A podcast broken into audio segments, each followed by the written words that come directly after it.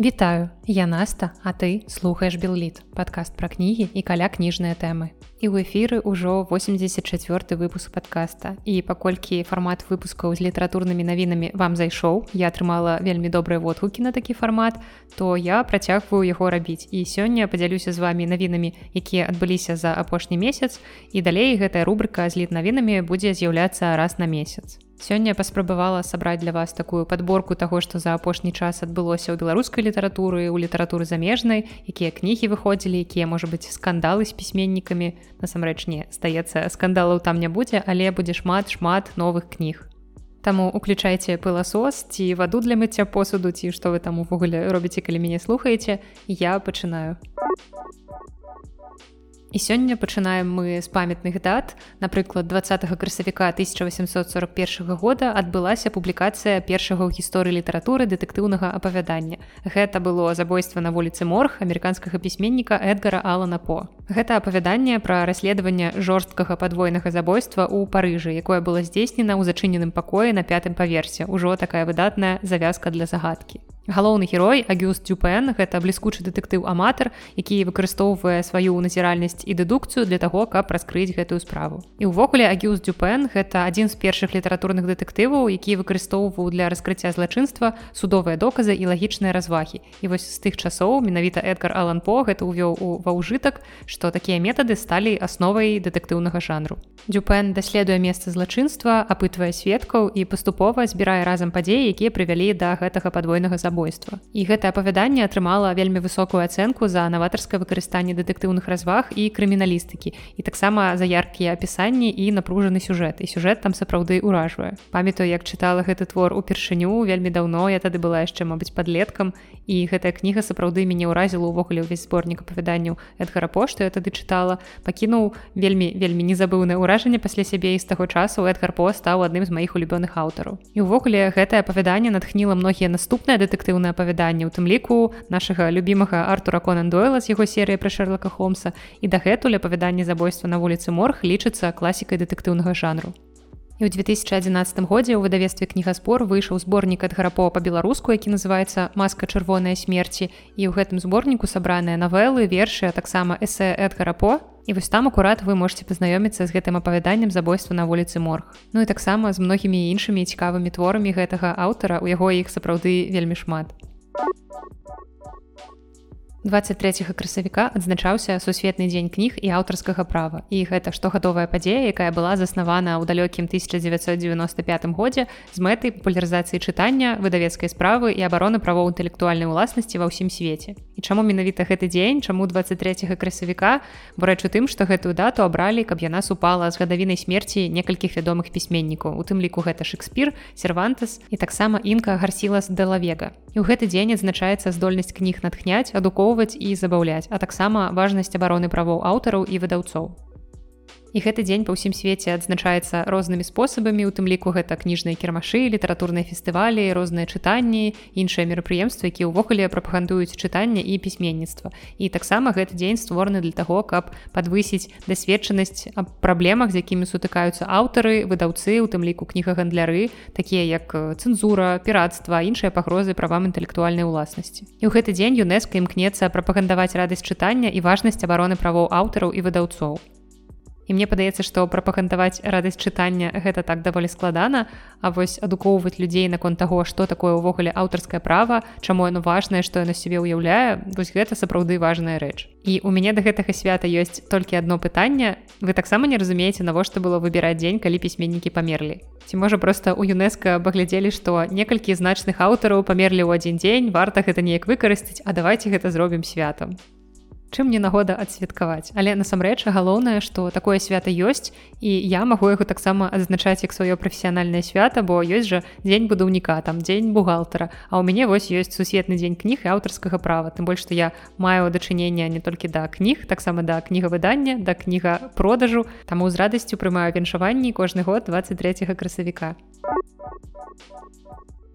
Ідём далей. З іншых значных падзей другой паловы красавіка мы адзначаем 25 красавіка калі ў 1719 годзе пабачыла свет першае выданне рамана Даніэля Дэфо рабінзон круза і гэты твор мы пераважна ведаем вось под такой кароткай лаканічнай прыгожай назвай з іменем галоўнага героя. Але насамрэч першае выданне было выдадзена вось под такой назвай. Падрыхтуйцеся зараз я наберу паветра ў лёгкія каб гэта ўсё вымавіць Жыццё і дзіўна незвычайная прыгода рабінзона круза марахода з йорка які пражыў 28 гадоў у самоце на ненаселеным востраве ля ўзбярэжжа Амерыкі ля вусця ракі арынока выкінуты на бераг падчас караблекрушэння у якім загінулі ўсе акрамя яго з выкладаннем ягонага дзіўнага вызвалення піратамі.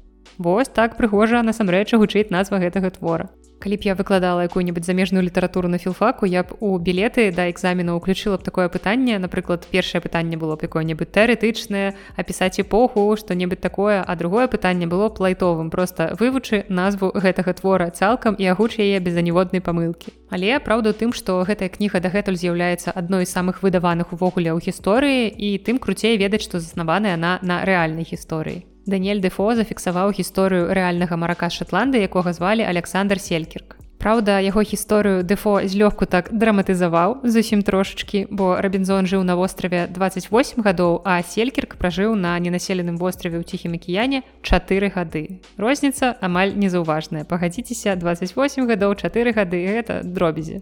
Але тым не менш я вельмі люблю гэтую кнігу. Я чытала яе ў дзяцінстве я потым перачытвала ў сталым узросце калі вучылася ва ўніверсітэце. І заўсёды магу гэтую кнігу раіць аматарам прыходніцкай літаратуры літаратуры выжывальніцкай.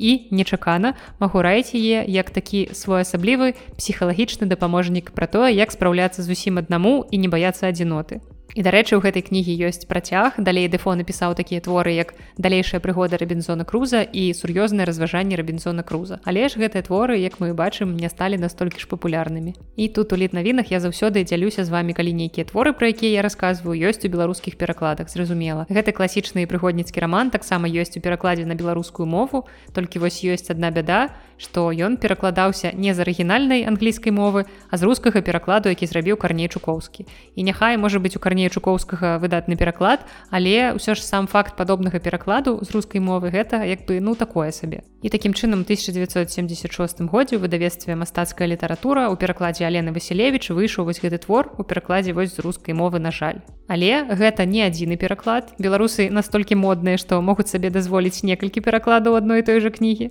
Ёсць і больш раннія пераклады, напрыклад, самы першы зрабіў Ян Станкевіч у 1929 годзе ў вільні. І там імя аўтара пададзена як Дэніел Дэфоу, Дэфоу праз і. І твор там перакладзены, на жаль, не цалкам. Але таксама пазней быў выдадзены яшчэ адзін пераклад, але зноў жа частковы. У 1947 годзе у Ватэнштэце ў Геррманіі беларускім дзеячым эміграцыі святаславам каўшом быў здзейснены пераклад, але пераклад такі выбарчны, там усяго 10 раздзелаў. Такім чынам гэты твор у нас існуе ў такім выглядзе пераклада шрёдзінгера, таму што ён як бы ёсць у перакладзе ажно ў трох, але як бы і няма. Ёсць частковыя пераклады з арыгіналу або ёсць пераклад з рускай мовы. Таму можаце проста пачытаць усе тры пераклады, можа быць іх параўнаць і перакласці ўжо нарэшце гэты твор цалкам. Хоць ты бяры сама перакладай, каб адзін з улюбёных твораў дзяцінства нарэшце быў бы на беларускай мове цалкам. Цяпер звернемся да апошніх памятных дат у гісторыі нямецкай літаратуры. 29 красавіка 1942 года нямецкі пісьменнік герман гесе скончыў працу над галоўнай кнігай свайго жыцця сваім апошнім раманам які называецца гульня шкляных перлаў і працаваў ён над ім даволі доўга. З 31 па 42 год атрымліваецца 11 гадоў. І ўпершыню роман быў апублікаваны толькі праз год пасля таго як ён яго дапісаў 18 лістапада 1943 года. Атрымліваецца нават праз полтора гады пасля заканчэння рукапісу. Кніга выйшла ў цурыскім выдавестве фрэдс і васмут у двух тамах. І ўжо праз тры гады ў 46 герман геса быў узнагароджаны нобелеўскай прэміяй па літаратуры І хаця мы ўсе цудоўна разумеем, што нобелеўская прэмія ўручаецца там за агульныя заслугі ў літаратуры, яна не ўручаецца за канкрэтны твор, але ўсё ж такі часам пэўная кніга, як мне падаецца, можа падштурхнуць нобелеўскі камітэт да нейкага пэўнага выбару. Вось магчыма, у выпадку з германам Гесе гульня шкляных перлаў якраз стала такім раманам, які падштурхнуў нобелеўскі камітэт да ўрушэння гэтай узнагароды. Ну і вядома ж не магу не дадаць што гэты раман таксама можна прачытаць по-беларуску у нармальным поўным перакладзе які зроблены не з рускай мовы. 1992 годзе у выдавестве мастацкая літаратура гэты твор выйшаў перакладзе з нямецкай Васіля сёмухі. А імя Васіля сёмухі як вы ведаеце гэта знак якасці ў перакладзе. Поўная назва гэтага твора гучыць у перакладзе так. Гульня шкляных перлаў спроба жыццёпісу магістра гульні Йозефа кнехта з дадаткамі ягоных твораў канешне ж не так урачыста і грандыёзна як поўная назва твора робінзон круза але таксама прыгожа. 3 мая 2016 года адбылася значная для сучаснай беларускай літаратуры падзея бо ў гэты дзень упершыню адбылося ўручэнне прэміі цёткі. Гэта прэмія для дзіцячых пісьменнікаў і ілюстратараў дзіцячых кніг. І першымі лаўрадкамі гэтай прэміі сталі пісьменніца надзея ясмінска з кнігай сем ружаў і мастачка кацярына дубовік якая аформіла гэтую ж кнігу. Ну як вы зразумелі прэмія звычайна ўручаецца ў дзвюх намінацыях. Гэта найлепшая кніга для дзяцей і падлеткаў і найлепшае мастацкае афармленне кнігі для дзяцей падлетку Ну і звычайна рэдка так супадае каб аўтар і ілюстратар адной той жа кнігі адначасова былі ў адзін год уганараваны таму як вы бачыце першае ўручэнне яно было яшчэ і такім троху гістарычным сваю назву прэмія імя цёткі атрымала ў гонар нашай вядомай паэткі алаізы пашкевіч якую мы канешне ж больш ведаем под псюданімам цётка у свой час яна стварыла першую беларускую школу ў вільні і гэтым яна спрыяла масавай беларускамоўнай адукацыі таксама яна была рэдактаркай часопіса для дзяцей і моладзі лучынка і напісала кнігу першае чытанне для дзетак беларусу і вось першая прэмія цёткі была якраз сімвалічна уручаная ў той год калі самой цётцы спаўнялася 140 гадоў з дня нараджэння і таксама спаўнялася 110 гадоў з выхаду першага чытання для дзетак беларусу. На жаль 2022 год быў першым у які прэмія не праводзілася зусім зразумелых прычын. І такім чынам апошнія на сёння лаўраты прэміі гэта ольга гапеева за кнігу адна шкарпетка і іншыя гісторыі про гэтую кнігу я вам рассказывала ўжо ў 48 выпуску. І таксама ў мастацкай намінацыі гэтую прэмію атрымаў валерый славук наш легендарны мастак які аздобіў зборнік чарадзейных казак вядзьмар які рабіўся ваўком. Про гэтую кніжку я вам таксама рассказывала ў 21 выпуску Сёлета таварыства вольных літаратараў адзначае 30гадовы юбілей, як і я, толькі яно старэйшае за мяне на некалькі месяцаў. 8 мая 1993 года таварыства вольных літаратараў было заснавана ў наваполацку. Арганізатарам стаў пісьменнік алесь аркуш, а ў арганізацыйны камітэт увайшлі такія літаратары, як Юры Гумянюк, Ігар Седарук і Вінцэсь мудроў. І зразумела, што гэта быў такі час, калі ў Беларусі паўставалі абсалютна розныя літаратурныя суполкі. Але ТВЛ было афіцыйна зарэгістравана літаратурнай арганізацыі. У іх быў уласны часопіс, які называўся калосе. У іх была літаратурная прэмія гліняны вялез, якая, дарэчы, уручаецца дагэтуль штогод. Таксама ў таварыства была пячатка і банкаўскі рахунак. Вось як вы бачыце, ўсё было абсалютна сур'ёзна. Праўда, на жаль, такое афіцыйнае існаванне доўга не працягвалася. Яны праіснавалі недзе да другой паловы 90-х гадоў афіцыйна, а далей далей ўжо пачалося можна сказаць такая падпольная дзейнасць. Ну і гэтая падпольная неафіцыйная дзейнасць літаратурнага таварыства працягваецца і цяпер ад значных дат пераходзім да канкрэтных персаналей і паглядзім якія ж беларускія літаратары за апошні месяц адзначалі свае юбілеі. 3 мая сваё 70годдзе святкаваў франц юко празаік публіцыст лаўрад прэміі гліняны вялез 2015 года. Вось як бачыце толькі што пагаварылі пра таварыства вольных літаратараў пра ягоную прэмію гліняны вялез і тут вось у нас адразу лаўрэат гэтай прэміі Таксама 10 мая споўнілася 140 гадоў з дня нараджэння самага, мабыць, вядомага беларускага дзіцячага пісьменніка Янкі Маура. І гэта чалавек з такой проста неверагоднай біяграфіі, што мне вельмі хочацца расказаць вам пра яго ў цэлым асобным выпуску, што я магчыма зраблю і раз сёлета 140годдзя, то магчыма, варта было б у гэтым годзе якраз выпусціць асобны выпуск з цыклу асобы, у якім расказаць пра творчасць янкі Маура. Бо гэта шыкоўная гісторыя пра то, як чалавек, не маючы магчымасці вандраваць па нейкіх экзатычных краінах, усё роўна здолеў іх апісваць у сваіх творах і гэта чытаецца так, нібыта ён сапраўды там быў і апісваць апісвае нам тое, што бачыў на ўласныя вочы. І вось як у гэта ў яго атрымалася, магчыма, калісьці я вам раскажу. Ну і цяпер не пра юбілей, але таксама такое прыгожае супадзенне 28 красавіка атрымаўся ў нас своеасаблівы дзень беларускай паэзіі, таму што ў гэты дзень нарадзіліся ажно тры беларускія паэты. Гэта лаўрадка прэміі Мхася стральцова мінулага года Антаніна Хатэнка, таксама лаўрадка прэміі залаты апостров 2008 года Валянціна Аксак і лаўрад прэміі дэбют 2011 года Вітаю рыжкоў. А цяпер ад так званых памятных дат мы пераходзім да навінак беларускага кнігавыдання. Што ўжо выйшла, дзе гэта ўсё можна купіць, на што варта адкласці грошы ўжо цяпер, бо яно хутка выйдзе. Усё гэта вас чакаю ў падкасці далей і пачнём мы з альгерда бахарэвича у якога за апошні час здарылася ажно некалькі падзей. Вось напрыклад у выдавецтва вясна выйшла іх 17 кніга і гэта акурат роман альгерда бахарэвича які называется плошча перамогі Я думаю что назву гэтую вы ўжо чулі паколькі гэтая кніга ўжо выходзіла ў 2021 годзе. Але тады яна выходзіла толькі ў электронным выглядзе а цяпер яна выйшла і на паперы. І вось тады акурат разам з кнігай плошча перамогі у электронцы выйшла дзіцячая кніга бахарэвича тэатр шчаслівых дзяцей дзяцей. Пра тую кнігу я вам больш падрабязна рассказывала 54 выпуску подкаста, а пра плошчу перамогі я думаю, што раскажу вам яшчэ троху пазней. Таксама яшчэ адна кніга Альгерда Бахарэвіча, якую мне нельга называць, адна з дзвюх так званых кніг, якія нельга называць, якая не пра жывёлу. Яна выйшла ў нямецкім перакладзе ў берлінскім выдавецтве Эдишн фототапета спадзяюся я правільна гэта вымавіла. Ну і таксама выдавецтва нушкевич анансавала выхад адразу дзвюх новых кніг альгерда. Па-першае гэта аўтабіяграфічны твор хлопчык і снег гэта своеасаблівы прыквел да маіх 90-х бо гаворка будзе весціся там пра ягоныя 80 і паколькі я была ў захапленні ад маіх 90-х мяркую што гэтая кніга таксама раўнадушна мяне не пакіне. Ну і таксама выйдзе ягоны зборнік апавяданняў ператрус у музеі Ну і раз ужо пачала пра выдавецтва Нушкевіч, то буду ім і працягваць. Яно нас парадавала навіной пра тое, што падпісала кантракты на выданне чацвёртай пятай часткі фэнтэзі-сагі Анджея Сапкоўскага вядзьмар. Вы чакалі і вось яно калі ласка. Так што праз нейкі час мы пабачым раманы час пагарды і хрышчэння агнём. І ўсяго гэты цыкл складаецца з васьмі раманаў. Ну і таксама зразумела, што ўжо чулі вы ад мяне, што выдавецтва заключыла кантракт з правоўладальнікамі Стывена Кінга. Таму, магчыма, ужо ў канцы гэтага года ўсё залежыць ад маёй працаздольнасці. Мы ўбачым раман зяння па-беларуску ў маім перакладзе. І мне дагэтуль падаецца, што я гэтую навіну расказваю пра кагосьці іншага, а не пра сябе. Я не ведаю, калі гэта пройдзе, Мачыма, калі я ўжо атрымаю папяровую кнігу, буду трымаць яе ў руках і тады я ўжо асэнсую, а пакуль што не. Пакуль што гэта ўсё адбываецца нібыта не са мной.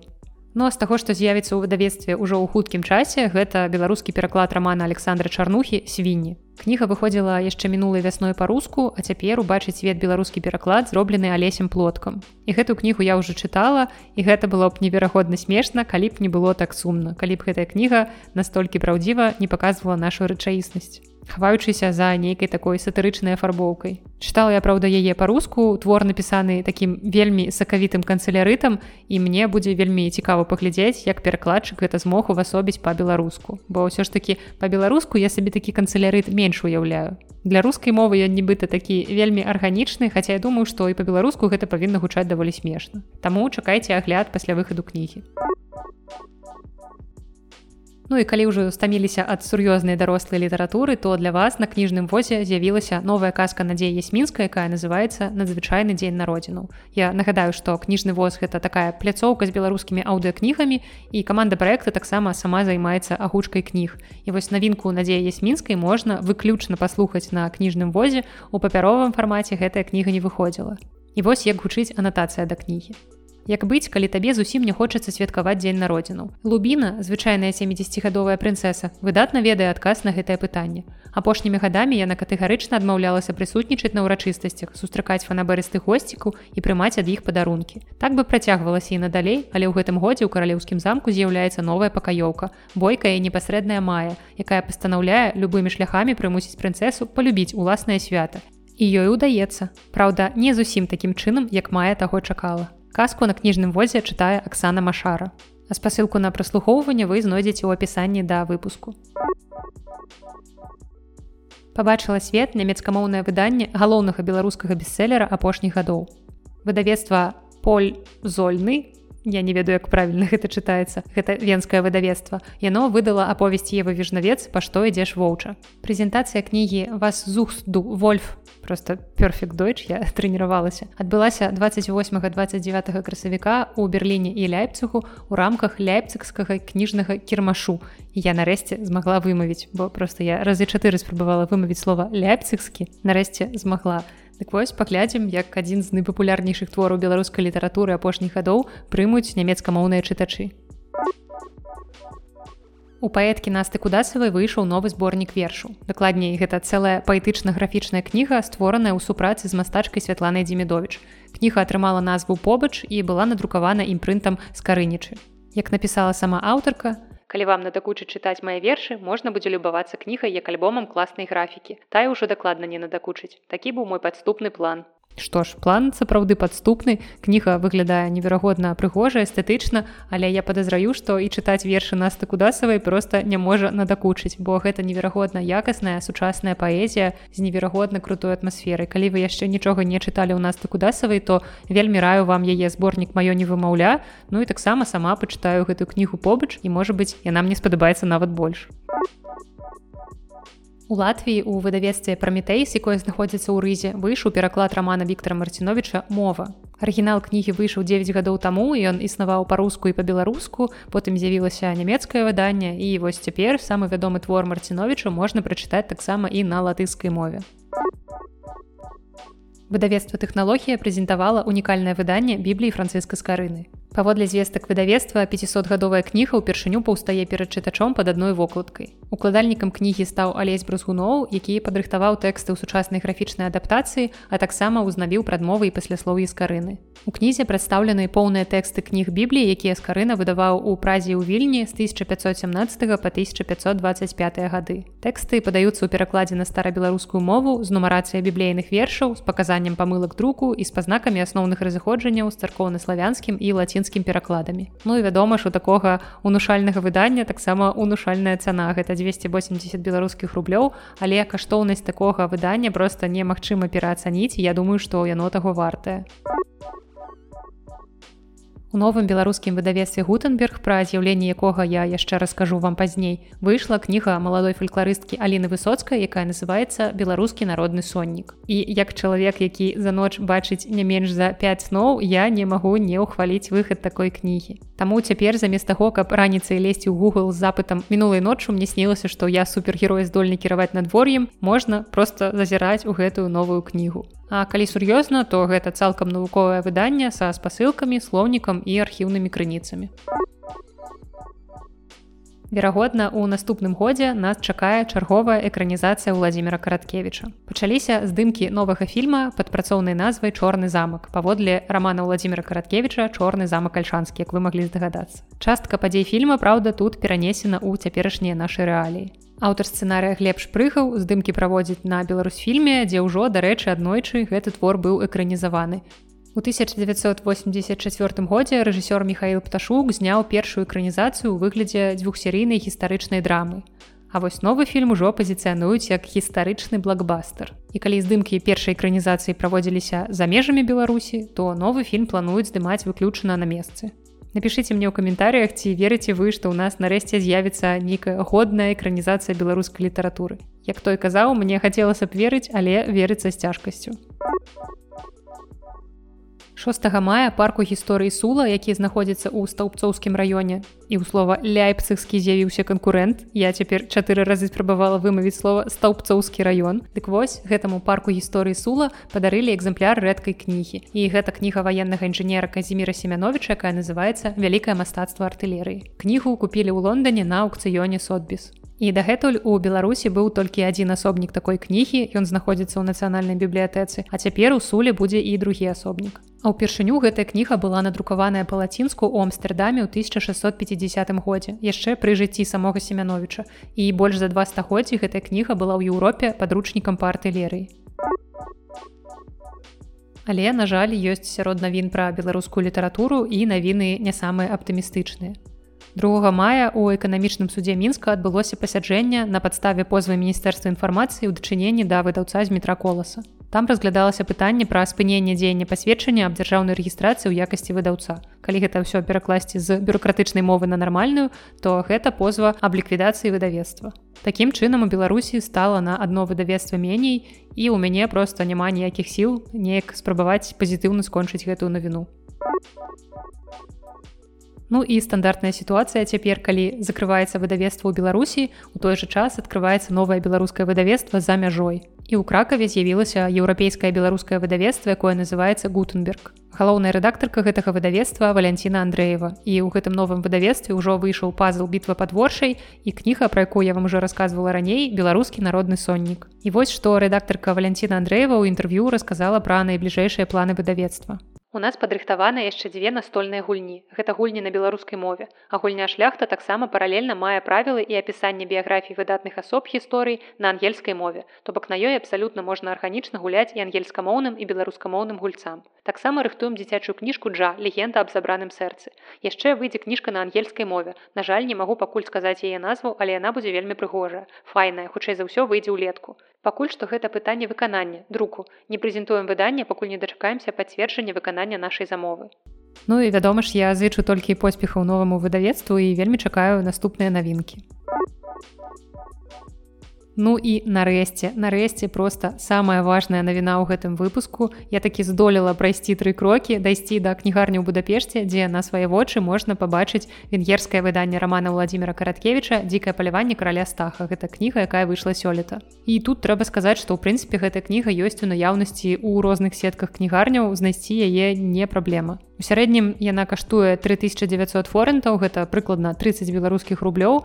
Гэта на пару тысяч менш чым тут звычайна каштуюць англамоўныя кнігі бо амаль што ўсе кнігі на англійскай мове якія я тут купіла каштавалі не менш за 5700 гэта недзе каля 42 рублёў. Гэта даражэй чым беларускія кнігі ў беларусі але гэта на ўзроўні з рускамоўнымі кнігамі якія ў нашых кнігарнях прадаюцца. А вось кнігі па-венгерску звычайна каштуюць столькі ж колькі караткевич ну недзе каля трох-чатырох тысяч І дарэчы, тут ёсць сетка кнігарняў, якая называецца лібрі і ў ёй ёсць некалькі кнігарняў па горадзе, у тым ліку вось побач з месцам, дзе я жыву. Дык вось у гэтай кнігарні таксама ёсць падкаст і таксама як у нашай кнігарні кніжная шафа. І зразумела, што паслухаць я не змагу, я буду чуць толькі знаёмае слова кёнів, гэта кніга па-венгерску, Але вось проста такі факт, які мяне зацікавіў, бо падкаст гэта заўсёды крутая ідэя, прычым не толькі для кніжнага бізнесу. Але вернемся да караткевіча, выглядае як я і думала по фото венгерскае выданне гэтае не вельмі прывабна. Як яно мне на фото не спадабалася также яно мяне не парадавала ў жывую кніга вельмі тонкая вокладка у яе такая бліскучая якая потым яшчэ не кладзецца роўная на тырчыць. Ілюстрацыя на вокладцы таксама такое сабе. І падазрэнне якое мяне ўзнікла калі я ўбачыла імя на вокладцы яшчэ на фото владимир караткевич пацвердзілася што твор сапраўды перакладалі з рускай мовы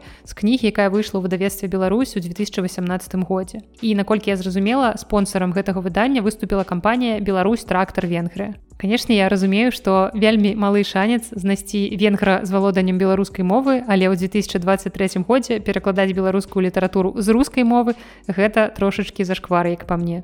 Так что кнігу я нават у якасці сувеніру купляць не стала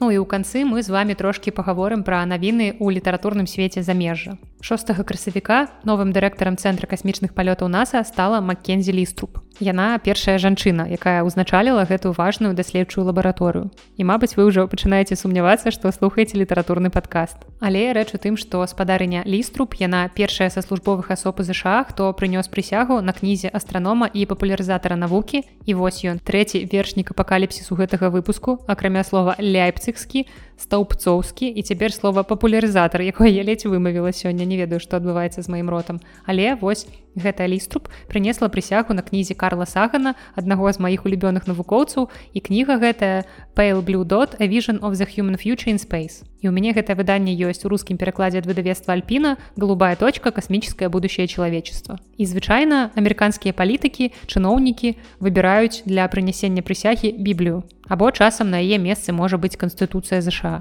Але на працягу многіх гадоў некаторыя службовыя асобы імправізавалі падчас прыняцця прысягі. Вось напрыклад у 2018 годзе Марая паркер прымала прысягу ў якасці члена камісіі акругі Афіны Кларк і рабіла гэта паклаўшы руку на экземпляр аўтабіяграфіі малкальма X гэта вядомы змагар за правы цемнаскурых А была амбасадарка ЗША ў Швейцарыі Сюзі Лівайн прымала прысягу ў 2014 годзе, паклаўшы руку на свой кіндл. Гэта, мабыць, самае арыгінальнае прыняцце прысягі. А кіт Элісон, гэта першы мусульмане набраны ў кангрэс ЗША. Ён прыняў прысягу ў 2007 годзе з дапамогай карана. Ну тут прынцыпе ўсё лагічна, раз ён мусульманін. А вось новая дырэктарка цэнтра касмічных палётаў NASAа спадарыня ліструб, як і Карл Сахан таксама з'яўляецца вучоным планетолагам. І прымаючы прысягу яна так абгрунтавала свой выбар кнігі. Як і ў многіх астраномаў і навукоўцаў, якія вывучаюць космас, маё захапленне пачалося з прагляду ў дзяцінстве па грамадскім тэлебачанні праграмы Карла Сагана космас. Улічваючы яго асабістае значэнне для мяне і то, як яго пасланне пераклікаецца з працай, якую мы выконваем у нас ад імя ўсяго свету, мне падалося дарэчным уключыць яго ў цырымонію. І хоць майго меркавання там ніхто не пытаўся, але я таксама лічу, што гэта вельмі дарэчна і мабыць гэта моя улюбёная навіна ва ўсім сённяшнім выпуску абвешчаны шорт-ліст намінантаў на сёлетнюю міжнародную букерускую прэмію. Гэта літаратурная ўзнагарода для найлепшых аўтараў мастацкай літаратуры, перакладзенай на англійскую мову і выдадзенай у Великабрытаніі ці Ірландыі. І зразумела, што ніводнай кнігі з гэтага спісу ў перакладзе на беларускую мову няма. Я не ведаю, ці будзе ён калі-небудзь увогуле але дзве кнігі са спісу ёсць у перакладзе на рускую мову. І гэта кніга время убежышча балгарскага пісьменніка георгія гаспадзінова пераклад выйшаў у выдавестве паляндрыя ноэйдж і таксама кніга кіт паўднёва-карэйскага пісьменніка чхона мёнгувана Ну кнігі астатніх намінантаў зразумела можна чытаць або на іх мове арыгіналу або па-англійску. І гэта кніга Болдар скала Евы бальтазар з Іспаніі. таксама кніга Стендін Хэві з той трывала пісьменніка пад псюданімам Гаус Скот Дзівуара. таксама наступная кніга гэта The Gospel According to the New World. Евангеле паводле новага свету Марыс Кандес Францыі. І таксама кніга Стилборн мёртванароджаны мексіканкі Годелупе Нетэль і пераможцу мы даведаемся на цырымоніі ўручэння, якая адбудзецца 23 мая ў Лондоне. Таму звесткі пра гэта чакайце ўжо ў наступным выпуску літнавін праз месяц. Ну а я працягваю навінамі яшчэ адной літаратурнай прэміі, бо 8 мая зусім нядаўна былі абвешчаны лаўрэаты пуліцарускай прэміі. Гэта адна з самых прэстыжных узнагарод у галіне літаратуры, журналістыкі, музыкі і тэатраў ЗША і ў галіне літаратуры за мастацкую прозу пераможцамі сталі амерыканская пісьменніца барбара кінсолвер з раманам диман коперхед дэман меднагаловы і аргенцінскі аўтар эрнес дс з кнігай траст давер ну і зразумела што па-беларуску гэтых кніг няма па-руску таксама І далей там яшчэ вялізны спіс пераможцаў гэтай прэміі ў розных намінацыях я вам пакіну спасылку на спіс на сайце прэміі ў апісанні да выпуску бо калі я пачну пералічваць то мы тут з вами сёння заначуем У 2004 годзе будзе апублікаваны нявыдадзены раман Габрыэля Гарсія Маркеса. Спадчыннікі знакамітага калумбійскага пісьменніка і нобелюўскага лаўрэата расказалі пра планы выдаць яго неапублікаваны няскончаны раман мы ўбачымся ў жніўні. Гэту кнігу надрукуе выдавецтва Пенгвін Рэндум Хаус у весну 2024 года. І раней існаванне гэтага рукапісу не пацвярджалася, хадзілі толькі чуткі. І ўвесь гэты час ён захоўваўся ў ЗША ў архівах Маркеса ў тэхасскім універсітэце ў Осціне. У новай кнізе расказваецца гісторыя любоўнай сувязі галоўнай гераіні Анны Магдалены Бах з мужчынам, якога яна сустракае, калі прыязджае на востраў, каб ускласці кветкі на магілу сваёй маці. Выхад кнігі будзе прымеркаваны да дзесяцігоддзя са дня смерці пісьменніка гэта 17 красавіка 2014 года. Кніга выйдзе зразумела ў арыгінале на іспанскай мове. І першапачаткова нашчадкі маркеса не вельмі хацелі публікаваць гэты раман, паколькі яны лічылі, што недарэчна публікаваць гэтую незавершаную працу, але потым яны ўсё ж такі ўсвядомілі, што гэты твор занадта каштоўны, каб яго хаваць ад чытачоў. Або таксама меркантыльная думка наконт таго, што можа быць можна яшчэ трошку падзарабіць на творчасці маркеса. Новы род матылькоў назвалі ў гонар персанажа валадара пярсцёнку. Новы род матылькоў з падобнымі да вачэй плямамі на канцах крыльцаў быў названы ў гонар саурана галоўнага антаганіста серыі кніг толкіна. Усавядушчае вока саурана гэта сімвал магутнасці цёмнага ўладара і яно знаходзіцца ў цэнтры мордара ў царстве цемры. І вось навукоўцам падалося, што вочы на гэтых крылцах матылькоў якраз вельмі падобныя да гэтага вока саурана. І ўсяго група навукоўцаў ідэнтыфікавала два віды ў новым родзе. Гэта саурона трыангула і саурона аўрігера.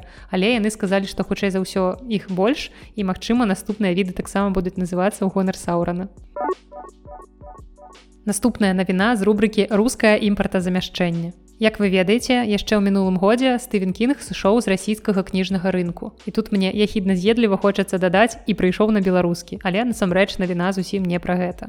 Дык вось цяпер афіцыйна кнігі караля жахаў у рассіі друкаваць нельга. Але нейкім дзіўным чынам усё ж такі быў надрукаваны рускі пераклад новага рамана The Fairytale, які выйшаў у верасні мінулага года па-англійску. І вось кніга под назвай сказка на рускай мове была выпушчана без ісБн выдавецтвам трафейная кніга размешчаным у луганску. І пра гэтае выдавецтва нідзе няма ніякай афіцыйнай інфармацыі, але кніга даступная ў продажы на розных расійскіх маркетплейсах за 2-3 тысячи расійскіх рублёў. І вось так працуюць энтузіясты піраты, каб не застацца без кніг кінга, але зразумела, што мы асуджаем такое. І гэта ўсе навіны на сёння. Кожны раз сядаючы ўвогуле пісаць сцэнарый да гэтага выпуску я пачынаю хвалявацца што магчыма не знайду дастатковай колькасці навінаў з беларускай літаратуры але кожны раз здзіўляюся таму наколькі шмат усяго ў нас насамрэч адбываецца ў літаратурным жыцці. Няхай не заўсёды гэтае жыццё працякае менавіта ў беларусі але яно ідзе яно не спыняецца і гэта сапраўды вельмі прыемна Ну і таксама радасна, што кожны раз я магу знайсці нейкія смешныя навіны з літаратурнага жыцця ў свеце. Падзяліцеся ў каментарыях, якая навіна вам спадабалася больш за ўсё і мы з вами сустрэнемся ў гэтай рубрыцы ўжо праз месяц, а таксама мы з вами сустрэнемся ўжо зусім хутка ў новым выпуску, у якім я вам раскажу пра апошняе прачытанае, нарэшце ніякіх выпускаў з навінамі, ніякіх літаратурных гасцей, толькі я і мае кнігі, якія я чытала ў апошні час. Нагадаю пра спосабы падтрымкі гэтага падкаста, якія вы знойдзеце ў апісанні да выпуску. таксама вы знойдзеце там спасылку на Google формы, маю электронную пошту, куды мне можна пісаць, задаваць пытанні. І таксама там вы знойдзеце спасылку на мой другі падкаст, які называется кніжная шафа. Якраз нядаўна у нас выйшаў новы выпуск, дзе мы ўпершыню записывалі яго з насты на адлегласці. У нас быў тэлемост Менск Будапешт і вы можете паслухаць, што з гэтага атрымалася ў новым выпуску. І на сёння гэта ўсё. З вами была Наста і падкаст Белліт. Да сустрэчы або як кажуць тут у венгрыі сія я ўжо нешта хрыпла под канец. Гэта ўсё мяне даканалі ляйпцігскі стаўпцоўскі і што там было трэцяе папулярызатар. Вось тры тры страшныя словы гэтага выпуску